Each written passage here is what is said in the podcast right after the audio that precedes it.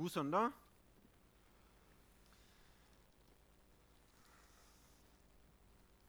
Der var vi. Det er noen veker der en kan oppleve at livet spiser liksom litt opp den tida man trodde man hadde, eller det overskuddet man forventa å ha, eller Og du er veldig glad for at det kommer en dag hver uke som kan sette en linje i sanda og si at nok er nok. Det kan komme en søndag, og det kan komme en hviledag. Der kan du tenke ja, men nå har vel du Det er jo ikke nødvendig å ha fire unger, da, Knut Olav. Det... Eller at jeg akkurat begynt på jobb i 100% på fredag, og at det er naturlige grunner til ting. Men det å kunne ha en dag som Gud har sagt at nå trenger dere ikke å streve mer. Nå trenger dere ikke å arbeide mer, nå trenger dere ikke å bli bedre. Nå skal dere få lov til å nyte det skapte.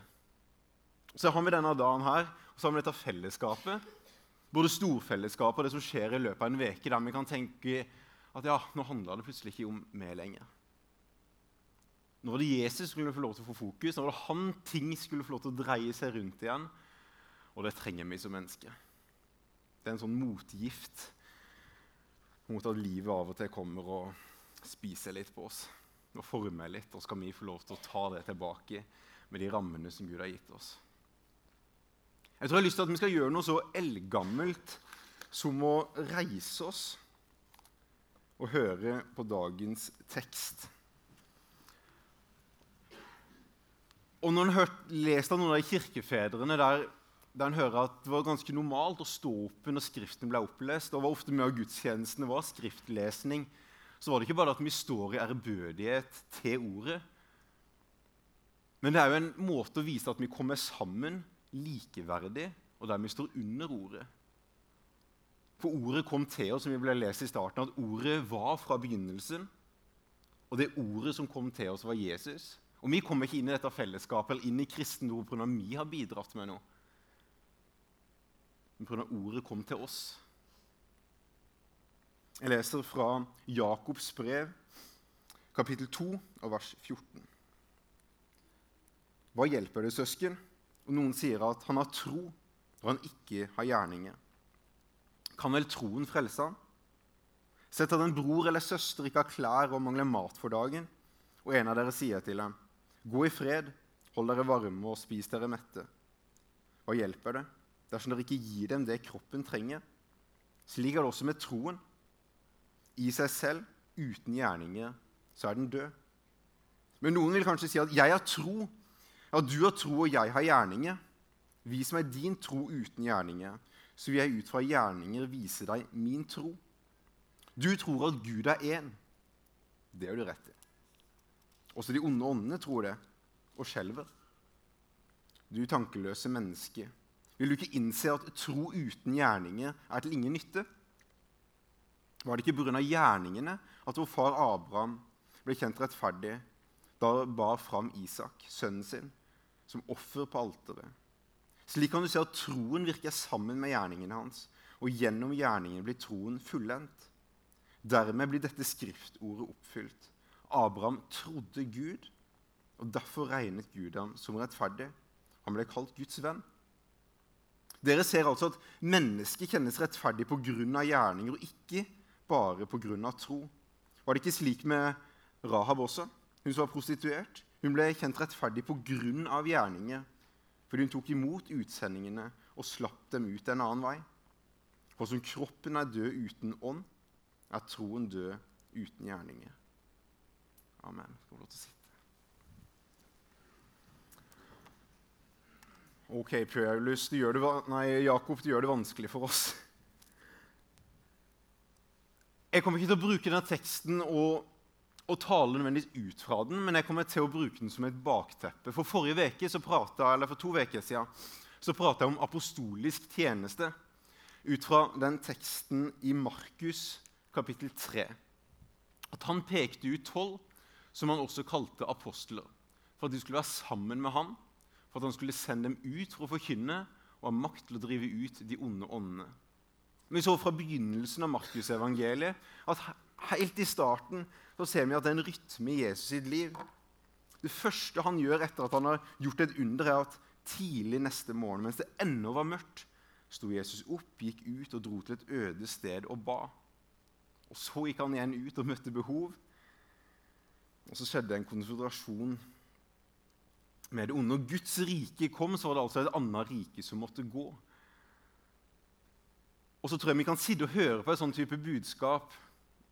Og, og jeg kommer med noe som jeg tror er et profetisk ord, som ikke bare har kommet, men som mange andre har kommet med den siste tida, at det er et eller annet nytt som spirer fram på Vegårshei. Det ordet jeg har hørt flest ganger at 'ser dere det ikke'? Det spirer allerede fram. Og, og En ting er å tro på et ord uten at man ser noe, men det siste året så vil jeg påstå at iallfall jeg begynner å se at det allerede begynner å skje. Jeg talte forrige, to, for to uker siden at jeg ser det i konfirmantgjengen, at det er en helt annen sult enn jeg har sett tidligere. Jeg ser det blant de unge voksne. Jeg, jeg ser flere av de folka på min alder der det er en ny sult, det er noe nytt som vekkes opp og i, og i generasjonen over oss. Jeg tror det er noe som skjer på Vegårshei. Jeg tror det er noe som skjer i Norge, og jeg tror det er noe som Gud ønsker å gjøre. Og så fortalte jeg denne rare lignelsen som, som, Jesus kom med, at vi putter ikke ny vin i gamle skinnsekker, for da sprekker de, og så renner vin ut, så blir både skinnsekkene og vinen ødelagt. Nei, du putter ny vin i nye skinnsekker. Og Hva kjennetegner nye skinnsekker? Jo, det er at de er fleksible. De kan utvide seg. De er myke så tror jeg Gud ønsker å komme med noe nytt til oss. Han ønsker å utvide oss litt. Kanskje det er litt ubehagelig, kanskje ikke det ser ut sånn som vi tenkte at det skulle se ut. Men jeg tror når vi erkjenner at det Gud ønsker å komme for vårt liv, for familien vår, for seg, er godt, så kan vi være fleksible i skinnsekken. For da innser vi at selv om det strekker oss litt, så er det godt. Men så leser vi den teksten fra Jakob. Det er én ting å erkjenne det og tro det, og så er det noe helt annet å leve som det. Og det er det jeg skal prøve å pirke litt i i dag. Utfordre meg sjøl og utfordre oss litt. at Hvordan kan det her se ut i praksis? Så jeg vil slå et slag for at troa vår, det vi opplever at Gud taler til oss om, det må få en eller annen ringvirkning. Det må se ut som noe på mandag, tirsdag, onsdag, torsdag for at det skal ha noe effekt på livet vårt og for omgivelsene rundt oss. For Jeg tror nemlig det er sånn at Bibelen prater til oss om at praksiser er med å forme oss. Kanskje det former oss enda mer enn tanker. I Korinterne er Paulus at ha med som forbilde, slik som vi er Kristus som forbilde. Det greske ordet som er brukt, er å imitere. Altså at Du skal se noen gjøre noe, og skal du prøve å gjøre det samme. Så det han egentlig sier, er at dere skal prøve å imitere den måten jeg lever på, pga. at jeg driver og imiterer Kristus. Jeg kan ikke si det samme som Paulus. Men tenk om vi kan være en, en menighet, et fellesskap der det her er ah, drømmen vår. At imitere Jesus. Ikke bare tro at det var bra, det Jesus gjorde. At ja, det var kjempeflott at Jesus trakk seg tilbake i bønn. At han eh, forkynte Guds rike. At han sto i de tinga. Men at vi prøver å imitere de tinga som Jesus gjorde. At hvis det var Jesus sine praksiser, for om det kan bli våre praksiser. Og så kjenner iallfall jeg på at ah, det må være autentisk. Jeg må føle som det. Jeg har først lyst til å lyst til å gjøre noe, og så gjør jeg det. Men hva om Bibelen av og til ser annerledes på det? Vi har jo utspillet som smak og se. Jeg har jo lyst til å først vite, først se. Og så er Bibelen ja, men smak først. Hva om vi smaker på denne vanen med bønnelivet som Jesus hadde? få lov til å erfare det, få lov til å praktisere det, før vi kanskje ser konsekvensen av det. Jesus sa til disiplene sine, 'Følg med'. Vi kunne forvente at når dere kommer så langt, så kan dere begynne å følge med. Når dere har forstått de her tingene, når dere har skrevet en liten eksamen her, eller vist at dere klarer de her tingene, så blir etterfølgere meg. Men han sier, 'Følg med'. Og så skal dere få lov til å se, dere skal få lov til å erfare, dere skal få lov til å praktisere sammen med meg prøve, feile, og så kommer dere til å se. Eller gi, så skal du få. Jeg har jo lyst til å først ønske å gi. Men kanskje det er en raskere vei til å bli en glad giver. Først begynne å gi, og så ser vi at det gjør noe med hjertene våre. Og så tror jeg absolutt at det funker andre veien òg. Nå bare puster jeg på den linja pga. Jeg trenger iallfall å høre det. I Oslo så holdt vi på med huskirke en liten periode. og Da fikk jeg gleden av å et halvt års tid eh, gå sammen med en ung kristiansander som eh, bare hadde vært frelst i noen få år. Ble frelst når han var litt over 20 og kom nok inn i et litt sånn radikalt kristenmiljø idet han ble frelst. Og hans oppfattelse var at ok, jeg skal leve som om dette her var sant. Så Han hadde ikke så veldig tro på det å gi penger. For eksempel. han var skeptisk til misjon, skeptisk til noen av de tingene, men så begynte han å gi. Og så merka han at det her gjorde noe med hjertet hans. Og så ble han litt interessert i de tingene han ga til. så han sjekka jo ut, og så fikk han litt tro på det han ga for allikevel. Og så leste han at de kristne skal legge hendene på de syke, og de skal bli friske. Han hadde ikke tro på helbredelse, han hadde aldri opplevd det skje. Men han bestemte seg for at hvis han opplever at noen sier til han at de har noe vondter, eller de er syke, eller uttrykker det, og han er alene med dem, da skal han be for dem. Og han opplevde meg det første året som kristen enn jeg har sett i de fleste andre som har gått i kirka hele livet, pga. han begynte å praktisere noen av de tingene Jesus sa. Og jeg tror på det her med praksisdelen av det. Og Rent sånn historisk så kan det av og til hjelpe oss litt å se vi står på skulderen av noen som har gått foran oss. Vi er en del av en historie og en tradisjon. Og Historieforsker Geir Alfdal mener at det største skiftet, spesielt i den vestlige kirke, var på slutten av 1800-tallet. At praksisene fra de første, eh, første kristne og fram til i dag har vært ganske kontinuerlige. Men det var et eller annet skifte som skjedde på slutten av 1800-tallet. Og Han mener at det var nok ikke meint til at det skulle være sånn, men når skolen kom inn og var med å prege utdanningssystemet på slutten av 1800-tallet, så det, gikk det fra å være en, et håndverk til å bli noe som ble mer teoretisk. Kirke var alltid var, var noe som du, du ble med noen og erfarte og var, var deltaker på de her praksisene. til at det ble noe som skolen mer tok seg av, og det var en teoretisk opplæring. Jeg tror på teori. Jeg tror vi trenger å få åpenbaring av ordet før vi går ut. Jeg tror vi trenger å stå i nåde, jeg tror vi trenger å være bevisst på de tingene her. Men kanskje er vi en del av en tradisjon som trenger å høre hva om vi prøver å ta steget først. Hva med av og til la hjertet og følelsene bli med på lasset istedenfor å styre skuta? Det gikk fra å være en praktiserende kirke til å bli en undervisende kirke. Så står jeg her og underviser. Men jeg tror på at hvis vi tenker at ah, målet med det vi gjør her, sånn, er at det skal se ut som noe på mandag, på tirsdag. Skal få lov til å få noen praktiske konsekvenser i livet vårt. Så tror jeg det gjør noe med Hvis vi igjen skal sammenligne oss med å være skinnsekker, og være fleksible skinnsekker som kan ta imot den nye vinen som Gud ønsker å fylle oss med og påvirke oss med, så tror jeg praksis er med å strekke oss, utvide oss, gjøre oss fleksible, gjøre oss myke. Og så vil jeg slå et slag for å være litt wannabe. For greit, Hvis du skal begynne en ny vane, så kan det føles litt ukomfortabelt. i begynnelsen. Det kan føles som at det her passer meg ikke. Ja, ja, Han liker det, men, men det her passer ikke meg. De er sånne bønnemennesker, men det er jo ikke jeg. Det er noen som liker å prate med Jesus, men det gjør jo ikke jeg. Og så tror jeg absolutt vi har ulik utrustning, ulike gaver og alt det her. Men hvis Jesus gjorde det, så tror jeg absolutt det er noe vi fortsatt kan strekke oss etter. Dette var et skjellsord da jeg gikk på ungdomsskolen. Det verste var å prøve å være kul, men akkurat ikke nå opp. At du kjøpte den nye hettegenseren som alle andre gikk med, men det passa deg liksom ikke helt. Og Jeg var en sånn type gutt. for På Vegårshei var jeg en sånn skigutt som alltid gikk med bøff og skibukse.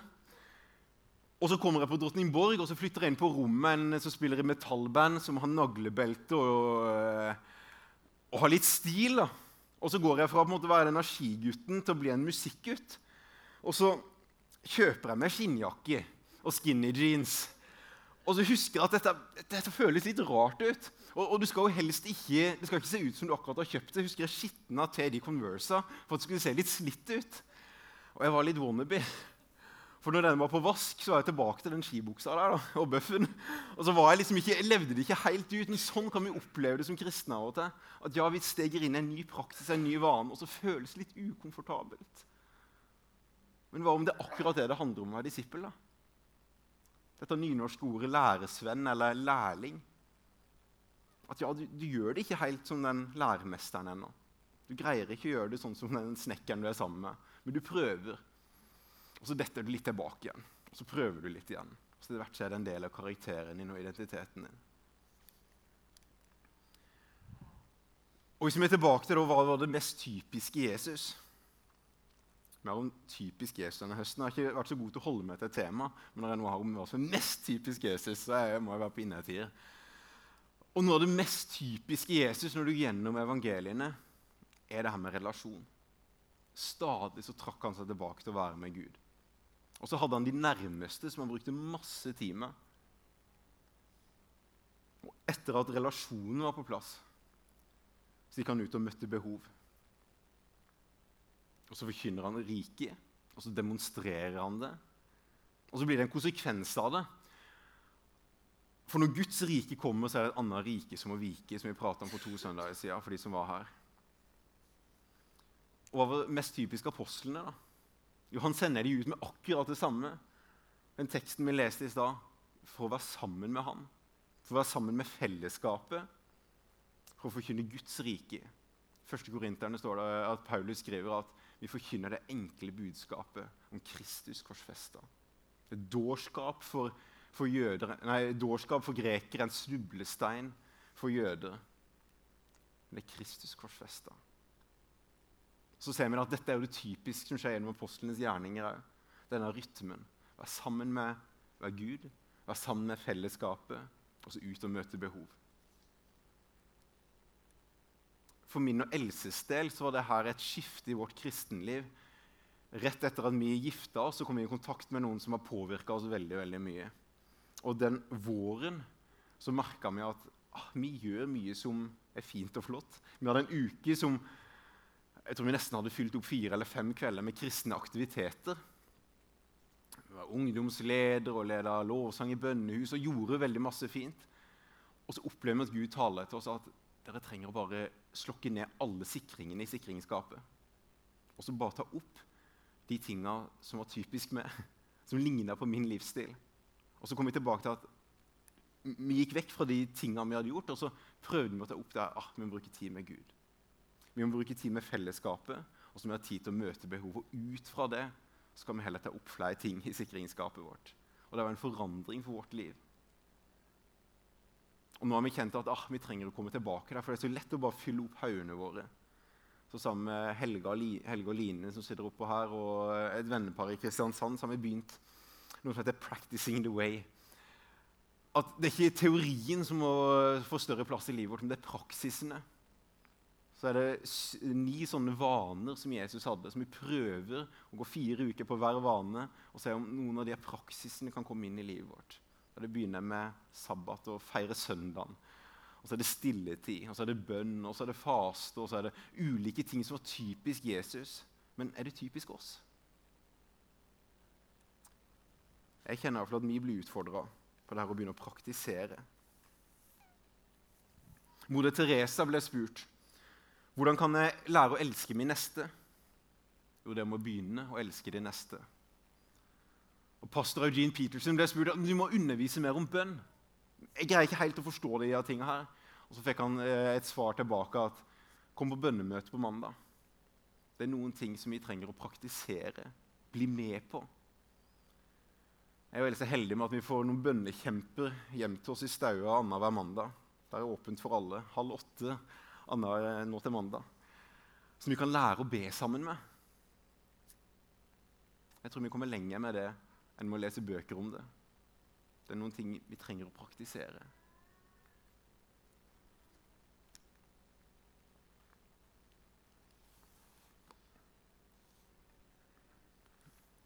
Så hva var det som var spesielt med Jesu relasjon? da? Og spesielt to ting som kjennetegna det. Og det var stillhet, og det var bønn. Begge de tingene utfordra meg. Hvis du ser på kalenderen og uka mi Ser den ut sånn som Jesus sin uke? For der kjennetegner han veldig. Det står i Lukas 11,1 at en dag var Jesus et sted og ba. Og nå er vi midt inne i Lukas evangeliet. Og det er ikke sånn at dette var første gangen at disiplene oppdager at oi, nå er Jesus gått igjen. Og så er han et sted, og så ber han. For vi ser i, i Lukas 5, 16, så selv trakk han seg ofte tilbake til øde steder for å be. Eller i Lukas 6, 12. På den tiden gikk han en gang opp i fjellet for å be, og hele natten var han der i bønn til Gud. Eller i Lukas 9. Han Jesus tok med seg Peter, Johannes og Jakob opp i fjellet for å be.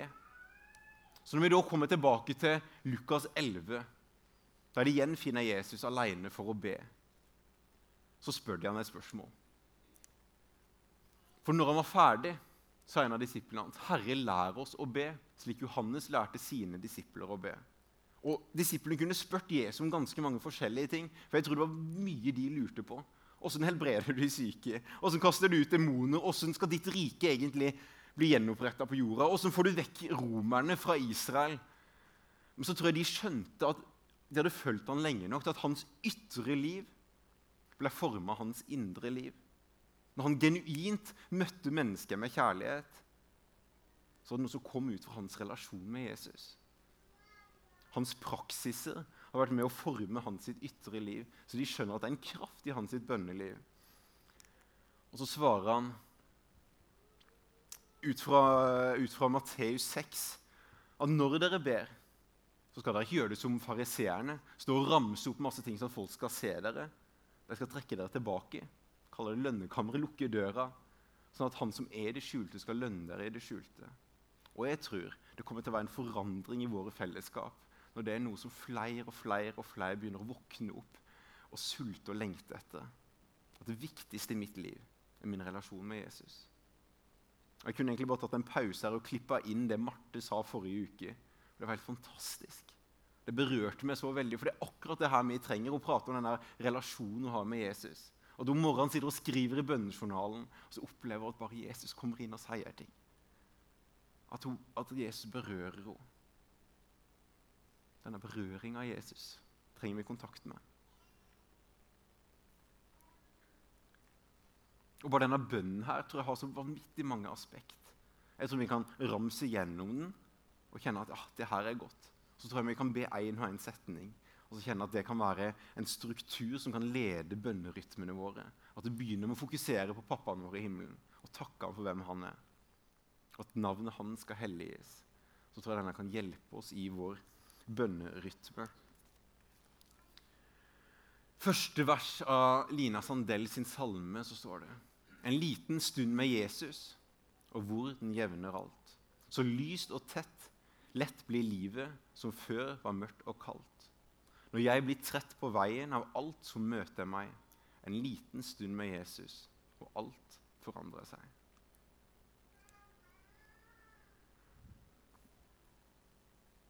I tillegg til at Jesus trakk seg tilbake, så brukte han også tid sammen med fellesskapet. Jeg kommer ikke til å undervise så mye om de her punktene. Dette er selvfølgelige ting. Jeg har lyst til å bare utfordre oss med noen spørsmål. Og I hovedsak så vil det være hvem er det du egentlig bygger med? Hvis du tenker, Hvem er du med å bygge Guds rike med på Vegårshei? Og da tror jeg vi kan se oss rundt her at ja, her er en gjeng som vi bygger Guds rike med. Men hvem er det du har dialog med om det? Som du er med å be sammen med? Som du er med å oppmuntre? Har du noe? Hvis ikke, Er det noe du tenker på som du kunne tatt et initiativ til i uka som kommer? Jeg skulle vi møttes litt oftere. Av og til be sammen. Le, bare lese Bibelen sammen. Jeg tror vi trenger noen nære mennesker i livet vårt. Kanskje er det bibelgruppa di, kanskje er det familien din. Vi trenger noen nære mennesker i livet vårt som vi faktisk bygger med. Og så er det spørsmålet har vi tid til dem. Edin Løvaas en fantastisk mann på det her med å praktisere livet med Jesus. Han skrev en bok på 60-tallet med den ydmyke tittelen 'Kanskje dette er veien', som handler om kristne praksiser. Det begynner å gjøre noen av de tinga Jesus gjorde. Og jeg tenker Han var kanskje inne på noe. Kanskje er det veien. Og Han har seks punkter over hva som kjennetegner en disippel. Og Det siste punktet hans er at en disippel forenkler livet sånn at han kan være en Jesus-etterfølger. Og I vår stressende hverdag så kan det være noe av det mest disippelgjørende vi kan gjøre. Det å kutte noe legge vekk noe. Legge noen rammer på oss. For min eldstesdel har det vært at ah, på søndag så legger vi vekk mobilen. Den, er, vi rammer oss inn, men det vi egentlig gjør, er å få mer tid til hverandre og til Gud. Noen ganger trenger vi å legge vekk noe for å begynne noe nytt. Og så har Jesus de to navnene som går mest igjen på å beskrive hans karakter som hyrde og som lam. Og jeg trenger stadig å tenke har jeg noen som er hyrde for i livet mitt? Eller har jeg noen som er hyrde i mitt liv? Noen perioder er det lett å se det, andre perioder er det ikke så lett å se det. Men det lett, jeg tror det er viktig å leite etter det. Hvem er det som jeg kan imitere pga. de imiterer Kristus? Og hvem er det som kan gå og følge etter oss? På alfagruppa som vi hadde på onsdag, så var det tema å forkynne Guds rike. Eller hvordan og hvorfor skal vi fortelle andre mennesker om Jesus. Det var en stor del av Jesus sitt liv, en stor del av apostlene sitt liv og en stor del av de første kristne sitt liv. Og Da kom vi inn på de tingene som å hadde en sånn kom-og-se-mentalitet. Først og fremst å skape en kultur så når folk ble med de, så skjønte de at ah, det her er Guds rike. ja. Det er sånn det kan se ut. Og de fortalte de enkle vitnesbyrda det var en demonstrasjon, mirakler, tegn og under. Og så var det en bønn, for bønn åpner opp ting. Og så spurte jeg bare sånn enkelt, Er det noen som kunne hatt lyst til å fortelle noe om det dere har opplevd denne høsten, eller det dere har opplevd med Jesus nå på søndag? Og så var det noen som kanskje er klar litt seinere, og noen som var klar med en gang. Og så skal vi få lov til å høre Ole Johan. Men først eh, skal vi bare se Elise. Hun hadde lyst til å dele noe om det Jesus har gjort i hennes liv denne høsten her. Hei, mitt navn er Elise, og jeg vil gjerne fortelle litt hvordan min høst har vært. Jeg har, eh, jeg har fått en ny verden, vil jeg si. Jeg, har, eh, jeg begynte med en kompis og reiste på møter. Og jeg kjente med en gang bare det samholdet og det fellesskapet man fikk med alle de troende, det var så sterkt, og det var så fint. Og for meg så var det egentlig som å leve i en ny verden. Og jeg følte òg at jeg ble som et nytt menneske etter jeg begynte å, begynte å tro på Jesus.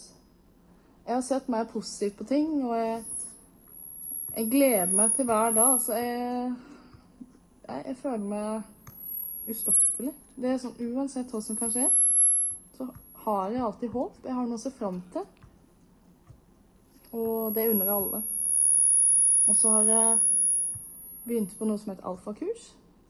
Og det, det er der en gruppe, gruppe venner, f.eks. Eller de trenger ikke være venner eller noe. Men det er der en gruppe møtes, og så blir det egentlig bare tema om Jesus. Og, og det har vært så veldig nytt for meg. Det å lære om Jesus, det er det har, så, det har hatt stor innvirkning på min tro. Og òg det fellesskapet du får på alfakurs. Du får nye venner, og du får et samhold. Og det, det er noe jeg unner alle. For meg så er truen og Jesus det er en rollemodell. Jeg ønsker å leve et liv, liv med Jesus og, og, ha han som min følgesvenn. Ja. Så det, det er i hvert fall min høst. Den har bestått av av mye nytt, mye lærdom, men òg vanvittig mye kjærlighet. Både med meg sjøl og med andre. Det er jo Det undrer alle, altså.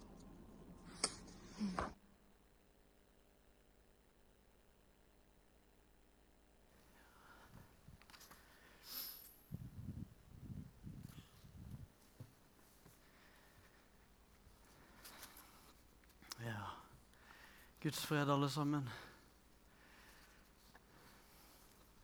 I går natt så lå jeg i senga. Så ble jeg påminnet noe som jeg lærte i, eh, på ungdomsskolen. Og det er sant. Se for deg at dette er deg. Så får du høre stygge ting. Det spres rykter om deg. Du er dårlig. Du er ikke god nok. Du går gjennom dritt i livet. Du blir ødelagt. Ting som ikke ville slippe. Slik vil det sendes ut. Dette lærte vi. Men det var én ting vi ikke lærte. Det var at du kunne bli født på ny. Du kunne bli hel. Og du kunne leve et liv sammen med Jesus Kristus. Og alt det vi trenger å gjøre for å gå fra dette til det, er å åpne hjertet fullt og helt for Kristus. Kjære Jesus, jeg vil gi hele mitt liv til deg. Kom inn i mitt liv og fyll meg, rens meg ren.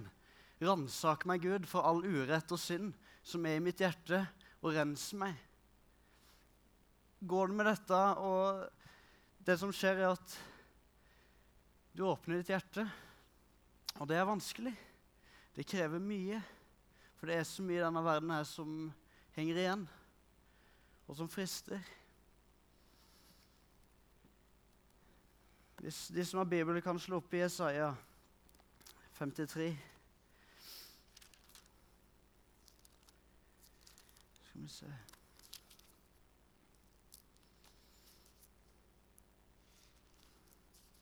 Takk, Jesus. Syndefallet det er kjent med det. Adam og Eva, ikke sant? Vi gjorde det eneste Gud ba oss om å ikke gjøre. Så inviterte vi synden inn i verden.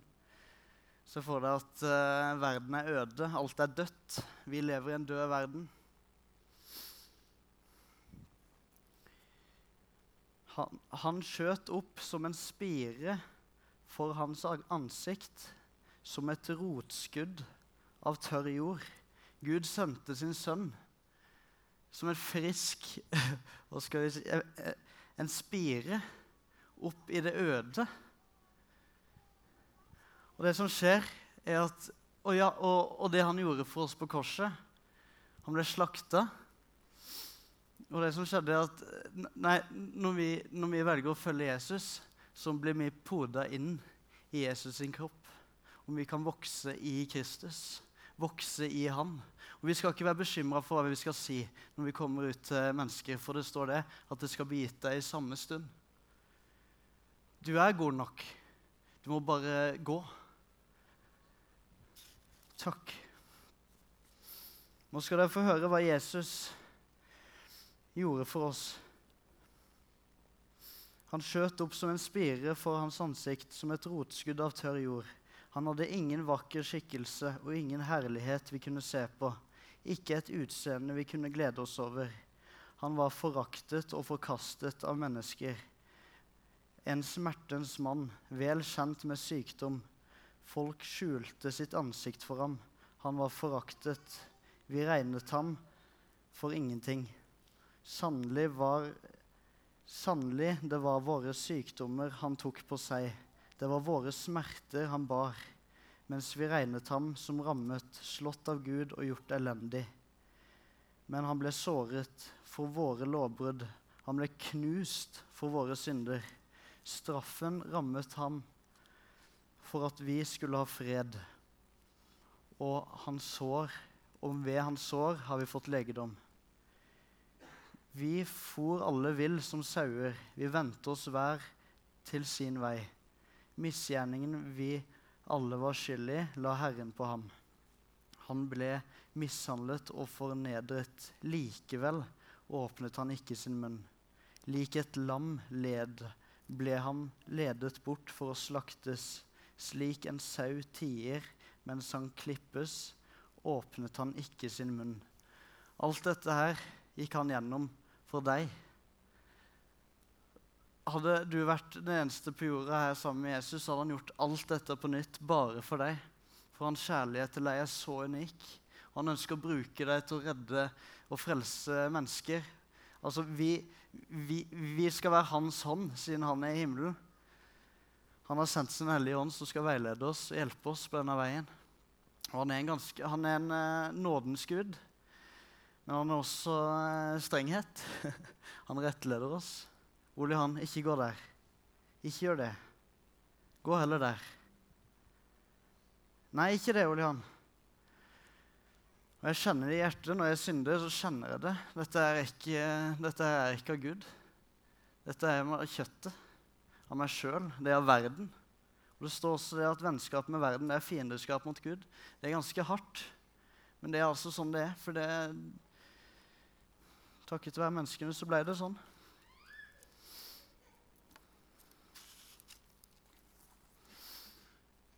Salige er de som sørger, for de skal bli trøstet. Salige er de ydmyke, for de skal arve jorden. Salige er de som hungrer og tørster etter rettferdigheten, for de skal bli mettet. Salige er de barmhjertige, for de skal få barmhjertighet. Salige er de rene av hjerte, for de skal se Gud. Salige er de som skaper fred, for de skal kalles Guds barn. Salige er de som blir forfulgt for rettferdighetens skyld, for himmelens rike er deres. Salige er dere når de håner og forfølger dere for min skyld, lyver og sier all slags ondt om dere. Fry dere og juble av glede, for stor er deres lønn i himmelen. Amen. Det er fine vers, altså. Det betyr mye.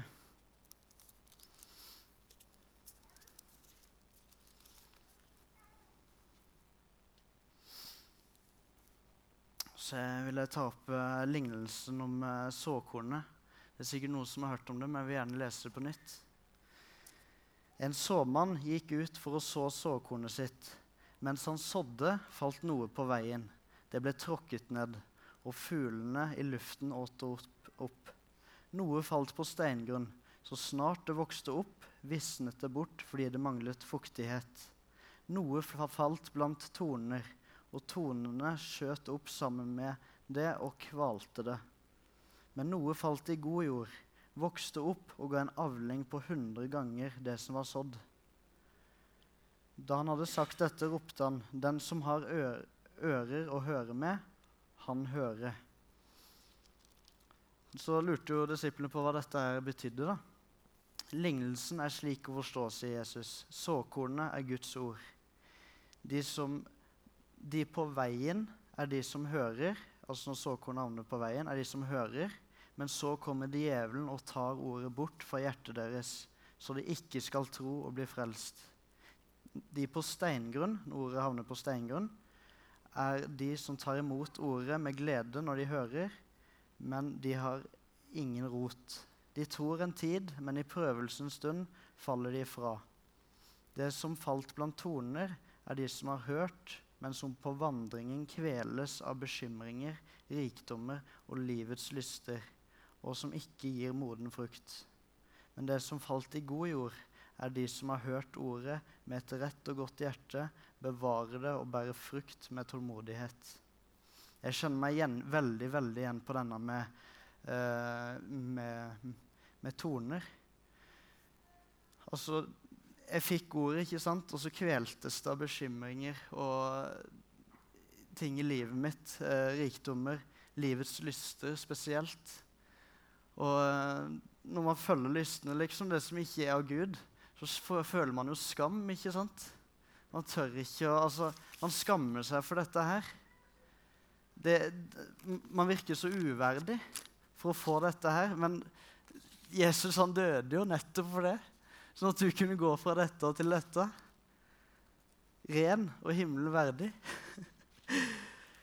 og så er det så godt man, Det kommer nok kanskje til å dukke opp noen, kanskje noen sprekker etter hvert. eller... Men vi har jo Jesus vet du, som tilgir. Så ber vi om tilgivelse. Det er viktig, det. Vi må be om tilgivelse. Tilgi meg, far. Jeg har synda. Ransak meg.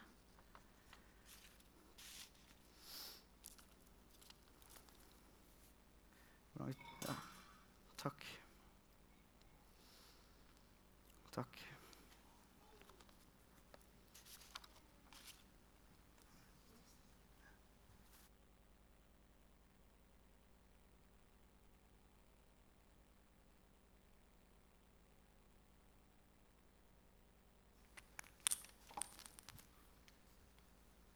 Jeg blir alltid veldig oppmuntra når jeg hører folk som ikke har kjent Jesus så lenge. Ole Johan har, gått, har hatt et skifte i livet sitt det siste året som har vært helt formidabelt. Den der lengselen du har etter Guds ord og etter å bli forma av Jesus, trenger vi å høre. Å bli påvirka og bli inspirert av. Kanskje det strekker sekkene våre litt. Kanskje det utfordrer oss litt. Men vi har godt av det. Tusen takk, Ole Johan. Takk til Elise, som delte først. Og så er det denne praksisen som dere begynte å leve ut, som er begynt å bli en del av livsstilen til, til mange av dere som har fått lov til å være med å følge i høst. Og, og så er det sånn, Men, men hvordan blir det en del av karakteren vår, da? For det er jo litt sånn åpenbart at, at man må erfare og prøve og, og, og, teste ut i alle jobber for å bli gode. Eller sånn når jeg setter bilen bort på motorsenteret, og det er et eller annet som var galt, og jeg bare starter motoren, og de bare med en gang hører ja, det er det her som er galt, så er det på grunn av de har gjort det her over lang tid. Det sitter på en måte i ryggmargen. Eller en fotballspiller som bare finner det ledige rommet. Han, han, tenker seg ikke nødvendigvis fram til det, er bare en respons. Og da tror jeg vi òg trenger å tenke at når det er en, en som bare umiddelbart tilgir noen, som har gjort såra ham, det er jo noe vi av og til trenger å trene på. At det blir en del av karakteren. Men vi klarer det kanskje ikke med en gang. Dette er litt tilbake, i oss, vi fortsetter å øve, fortsetter å praktisere. Guds ord er et sånt praksisord. uh, og så har jeg bare lyst til å komme med noen praktiske tips. Og jeg, og jeg, tror Vi sitter igjen med litt ulike ting fra en sånn type tale. Noen kjenner at ja, det er faktisk Bibel som er litt flaskehalsen i mitt liv. Der trenger jeg å å få noen gode bibelvaner igjen. Eller det her med stillhet er det som taler til meg. Eller det her med å komme inn i noen bønnerytmer igjen. Eller det å koble på et fellesskap. Kanskje det er tida for å spørre om å bli med i en eller annen bibelgruppe. Men når vi skal begynne en ny vane, så er det utfordrende. Det er kjempevanskelig. Det er lett å gjøre de tingene du alltid har gjort, men det er vanskelig å begynne å gjøre noe nytt. Så noen sånne enkle råd er ikke legg til en vane uten å kutte en annen. La oss si at du skal begynne å be om morgenen. La oss si at du legger vekk mobilen om morgenen. Kanskje det gir rom for at du får tid til å be. Så prøv å tenke, Hvis du skal begynne en vane, prøv å legge vekk en annen. Ikke bare legg på ekstra i en hektisk hverdag. Vi trenger også å kutte ut noe. Eller hva med å gjøre det sammen med noen?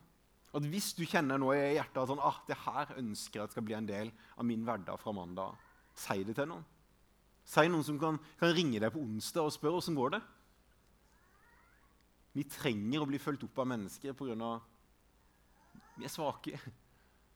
Og så trenger jeg i hvert fall å planlegge både tidspunkt og hva og hvordan det skal gjøres. Jeg kan si at jeg har lyst til å begynne å be mer neste uke, men det jeg egentlig trenger, er å bestemme meg for at ok, jeg forandrer allerede på mobilen nå, at jeg står opp fem minutter eller ti minutter tidligere, og jeg lager rammene tilrettelagt for det. Eller hvis vi at, ok, jeg skal begynne å høre Bibelen på podkast i bilen, last det ned allerede. Gjør det klart.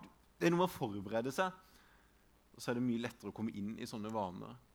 Og så Forskning rundt vanene prater med J-kurven at det er mye vanskeligere med en gang. at Det føles nesten som at det her ble bare dårligere.